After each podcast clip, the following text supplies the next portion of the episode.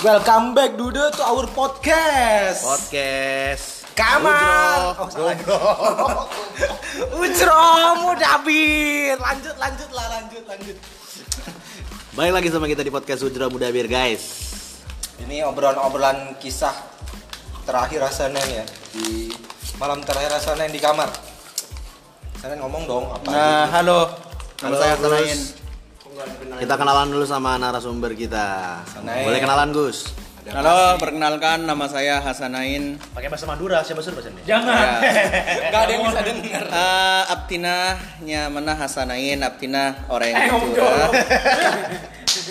Ngomong Indonesia. Eh, saya Hasanain, ya Muhammad Hasanain. Saya dari Madura.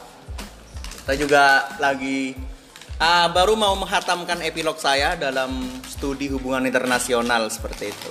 Di salah satu kampus yang ada di Ponorogo seperti itu. Ya, itu saya. Buat para pendengar yang nggak tahu ini, Gus Hasanain ini aku panggilnya Gus ya. Soalnya beliau pinter. Dia merupakan teman kita udah berapa tahun kita Gus bareng Gus? Empat tahun. Udah hampir 4 tahun ya. Dan kali ini seperti biasa guys, kalian kalau maba, ayo kita lulus bareng itu adalah bullshit guys. Itu tidak semudah perkataan yang diucapkan guys. Karena semakin tua kita yakin lulus tepat waktu itu bukan hal yang terbaik. Yang terbaik adalah Lulus, pada, waktu yang waktunya. tepat. Oke. Faiz 2020. Oke, Gus Nain ini kebetulan adalah teman kita yang sudah menyelesaikan studinya dan siap kembali ke masyarakat Gus berarti ya. Eh, sebenarnya kalau kembali ke masyarakat itu dari dulu kita bermasyarakat. Oh iya. Jadi pada prinsipnya kita jangan menjadi orang yang anti masyarakat, tapi kita menjadi masyarakat itu sendiri seperti itu. Corona corona. Menarik ya? Menarik sih. Kesan-kesannya nih sebelum pergi dari kita ada nggak sesuatu yang nggak bisa dilupakan gitu apa? Eh, sebenarnya sih melihat teman-teman ya, teman-teman dari semenjak semester 1 sampai selesai sekarang itu satu hal dari angkatan kita, angkatan teman-teman kita ini yang sangat yang sangat saya ambil hikmahnya gitu. Bahwa setiap orang itu adalah istimewa dalam porsinya masing-masing. Memang mungkin kelihatannya kita berbeda dalam banyak hal, tapi perbedaan itulah menjadi nilai plus. Oke. Semakin kita berbeda, maka problematika sosial yang beragam pun dapat kita selesaikan bersama-sama. Seperti itu. Itu hal yang sangat tidak dilupakan saat memberikan pelajaran. Sebenarnya kalau mau mencari ilmu dalam perjalanan 4 tahun saya sekarang, menurut saya lebih banyak mendapatkan pendidikan daripada ilmunya. Karena pendidikan itu bisa didapatkan bahkan pun dari kamar mandi yang kita tempati gitu loh. Jangankan masjid. Kamar mandinya saja itu memberikan pendidikan. Biasa tidur subuh di masjid. Kok bisa kok bisa mikir dari kamar mandi dapat pendidikan itu gimana ceritanya? Gue selama 8 tahun di Gontor nggak pernah sih kepikir Di pondok 8 tahun di pondok. Eh, begini, kita belajar. Ini pertanyaan kan ya? Saya jawab. Iya, silakan. Eh, kita belajar teori misalnya, belajar hukum fik dalam sekolah bahwa ada najis misalnya, sedangkan pendidikan atau penerapan dari ilmu yang kita dapat di kelas apa? Kita datang atau masuk ke kamar mandi. Bagaimana bentuk kamar mandi? Bagaimana size-nya? Bagaimana peletakan airnya? Bisa sesuaikan dengan syariat. Itulah pendidikan. Jadi pendidikan itu sebenarnya di atas dari ilmu. Ilmu ketika digunakan itu menjadi pendidikan. Kalau kata Imam Ghazali itu kan halakan nasu adal alimi. Halakal alimuna adal amili, halakal amiluna adal mukhlis. Seperti itu. Alik, alik. Oh. Udah gila sih podcast kita menjelaskan apa yang bisa dijelaskan, Dude. Kali ini emang podcastnya agak jelas ya, nggak seperti podcast-podcast sebelumnya. Karena memang narasumber kita jelas. Oke, tadi dari perkataan sampean nih Gus. Sampean ini kan bilang tadi kita dapat pendidikan di mana-mana ya. Hmm. Aku tadi eh, nggak, mungkin teman-teman ada yang juga lihat, pendengar kita juga lihat.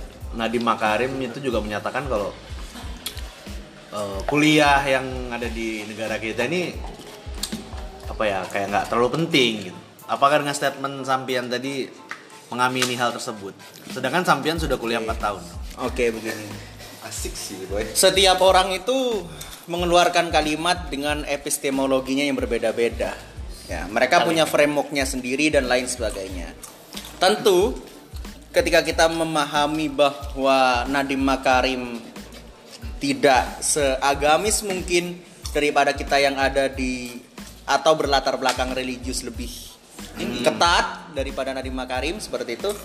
Tapi ketika kita merujuk kepada apa yang kita pelajari dalam agama misalnya, Islam tidak membatasi kata al-ilm untuk ada di bangku kuliah saja. Al-ilm itu bebas. Makanya tidak serta-merta orang yang kuliahnya baik lulus tepat waktu bisa mengimplementasikan ilmunya lebih baik daripada mereka yang telat atau mereka yang tidak tepat maksudnya tidak lulus cepat gitu. Jadi ada perbedaan di sini. Maka kan talabul ilmi faridatun ala kulli muslimin wa muslimat itu merujuk kembali gitu loh. Al ilm tidak ditaksis terhadap al jamiah atau al madrasah kayak gitu. Jadi kalau Nadiem Makarim menyatakan statement kalau banyak permasalahan pada kurikulum pendidikan kita itu benar. Benar ya? Kurikulum pendidikan kita sampai sekarang tetap bersifat apa ya? Bersifat Teoritis. ya teoritis penting. Cuma ada banyak yang miss daripada kurikulum pendidikan kita. Misalnya kita hanya membahas masalah teori perdagangan tanpa kita melakukan perdagangan itu miss. Islam juga mengajarkan bahwa ilmu itu harus diimplementasikan. Kita belajar teori renang. Kita pandai bahwa ada renang gaya dada, renang gaya kupu-kupu, renang gaya batu gitu kan. Tapi ketika kita lompat ke laut, yang kita bisa cuma satu gaya. Gaya batu doang, yang lain nggak bisa. Lah ini kan ada miss antara yang kita pelajari, Pelajari di kelas dengan, apa yang kita apa yang bisa kita implementasikan di, Di luar. lapangan, Di lapangan kayak gitu. Ya berarti terkait dengan pernyataan tadi Gus ini, gue ada satu pertanyaan besar dan Apa? sampai sekarang gue sangat menyayangkan dengan eh, status lu setelah setelah Nah. dunia ini yang statusnya itu bakal diem di pondok dan di rumah Hmm. dengan bejibun khazanah keilmuan ente Hmm. dalam hubungan internasional ini lalu implementasi ente di dalam hal ini bisa diterapkan nggak Oke, gini gini gini. Ini pertanyaan unik ya, pertanyaan unik yang pernah Hana pikirin. Itu kayak kita merasa, nah merasa, anak belajar HI ini apa sih manfaatnya gitu. Oke ya, kalau kita bicara teoritis mungkin akan ba- banyak banyak manfaatnya, tentu banyak manfaatnya. Allah itu meletakkan suatu takdir pasti dengan bonus-bonusnya, dengan manfaat-manfaatnya. Misalnya, kita memahami bahwa teori ini bisa di apa namanya dikolaborasikan dengan konsep-konsep Islam yang kita pelajari di pesantren. Tapi pada mudahnya, pada hal mudahnya, kita bisa melihat bahwa hubungan manusia bisa diibaratkan dengan hubungan antar negara dalam beberapa aspek. Bahkan hubungan pondok pesantren dengan pondok pesantren yang lain itu bisa diibaratkan hubungan negara dengan negara yang lain. Di mana setiap apa namanya? Setiap Kebijakan. pesantren punya diplomatnya untuk yang lain, ada kebijakannya sendiri. Interestnya pun mungkin beda-beda. Interestnya beda-beda. Makanya saya sangat tidak mendukung, tidak mengamini orang-orang yang membandingkan antara satu pesantren dengan pesantren yang lain. Karena satu pesantren itu dia membuat percetakan sendiri. Misalnya satu pesantren yang mencetak batako, maka tidak bisa dibandingkan dengan satu pesantren yang mencetak genteng. Sekalipun sama-sama bangunan atau rumah. Nah, ini posisi-posisi implementasinya. Mungkin terlalu kecil ya. Tapi kalau Allah kasih kesempatan untuk lebih berbuat takdir ke depannya, Amin, amin. ya insya Allah ya. Atau mungkin mau buat fakultas ilmu sosial politik di rumah ya. Tidak dong, Oke. fakultas buat genteng dong Iqbal. Ya, mungkin udah cukup ya pertanyaan-pertanyaan seriusnya. Ini eh, saya sebagai cool down ini. Kira-kira nih, Gus setelah pulang ke rumah nih, kira-kira sampai nanti deh ketika dia ketika disebutkan Unida Gontor gitu. Ketika a- apa satu satu kejadian entah lucu entah aneh yang langsung pop up di kepala antum tuh apa kira-kira? Langsung peng gitu ketika disebutkan Unida Gontor. Oh iya, aku Yang dulu pernah paling lucu. Nah, yang paling lucu dan aneh lah gitu, yang yang jarang ditemukan gitu. Tapi yang mantan loh ya. Iya, iya. mantan lain cerita itu. Jangan mantan, jangan mantan. Namanya sudah trium Buka kartu dong. Kartu terbuka. Itu next next cerita ya guys. Mohon maaf itu next cerita mungkin bisa. Spoiler alert. Via via video call ntar mungkin bisa. Jadi gini, kalau dibayangkan ya, sebenarnya itu pertanyaan yang terlalu general untuk saya. Kenapa? Karena sebelum di Unida kan kehidupannya beda gitu kan. Semua hampir semua hal yang anak yang saya temui di Unida itu baru gitu. Ketika mengembangkan apa? Ketika melihat Unida Gontor disebut Unida Gontor apa yang paling ingat?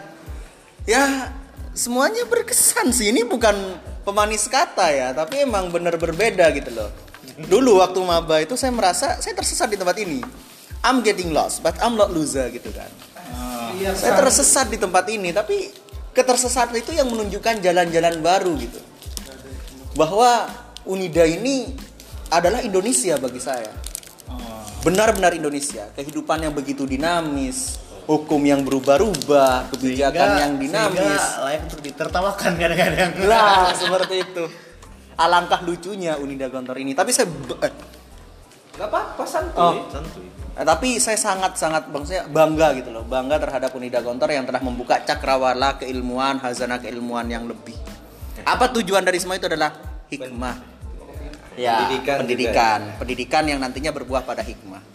Nah, Buat teman-teman gontor jangan diambil hati ya. Ini kita podcast santuy. Ya. Intermezzo Ya, saja. Intermezzo saja. Ya udah 10 menit ya sepertinya udah. Udah 10 menit, guys. Terima kasih banget nih yang udah denger. Nanti kita akan bikin episode-episode dengan para calon alumni. Sebelumnya terima kasih juga kepada narasumber kita malam ini Gus Nain. Jauh-jauh dari Unida Gontor datang ke Ponorogo tempat kita Hati-hati di jalan Gus besok ya. Ya. Hati-hati, siap. Semoga apa ya bermanfaat pasti kayaknya udah jelas sih. Iya. Tidak Ah, perlu kita semogakan lagi. Eh, Jangan sampai di bis atau di jalan duduk samping jendela karena penuh kenangan ya. Wah, Eh, siap. itu. Sama tolong doakan semoga pendengar juga bisa menyusul Menyusul. gitu. Eh, nggak cuma pendengar, Apa? kita juga sebagai Oh iya. Oh iya. Kita. baru ketemu judul kemarin, Oh iya. revisi. Iya lupa sorry. Oke sampai situ dulu guys podcast kita kali ini. Hujrah Mudabir. Wow, wow.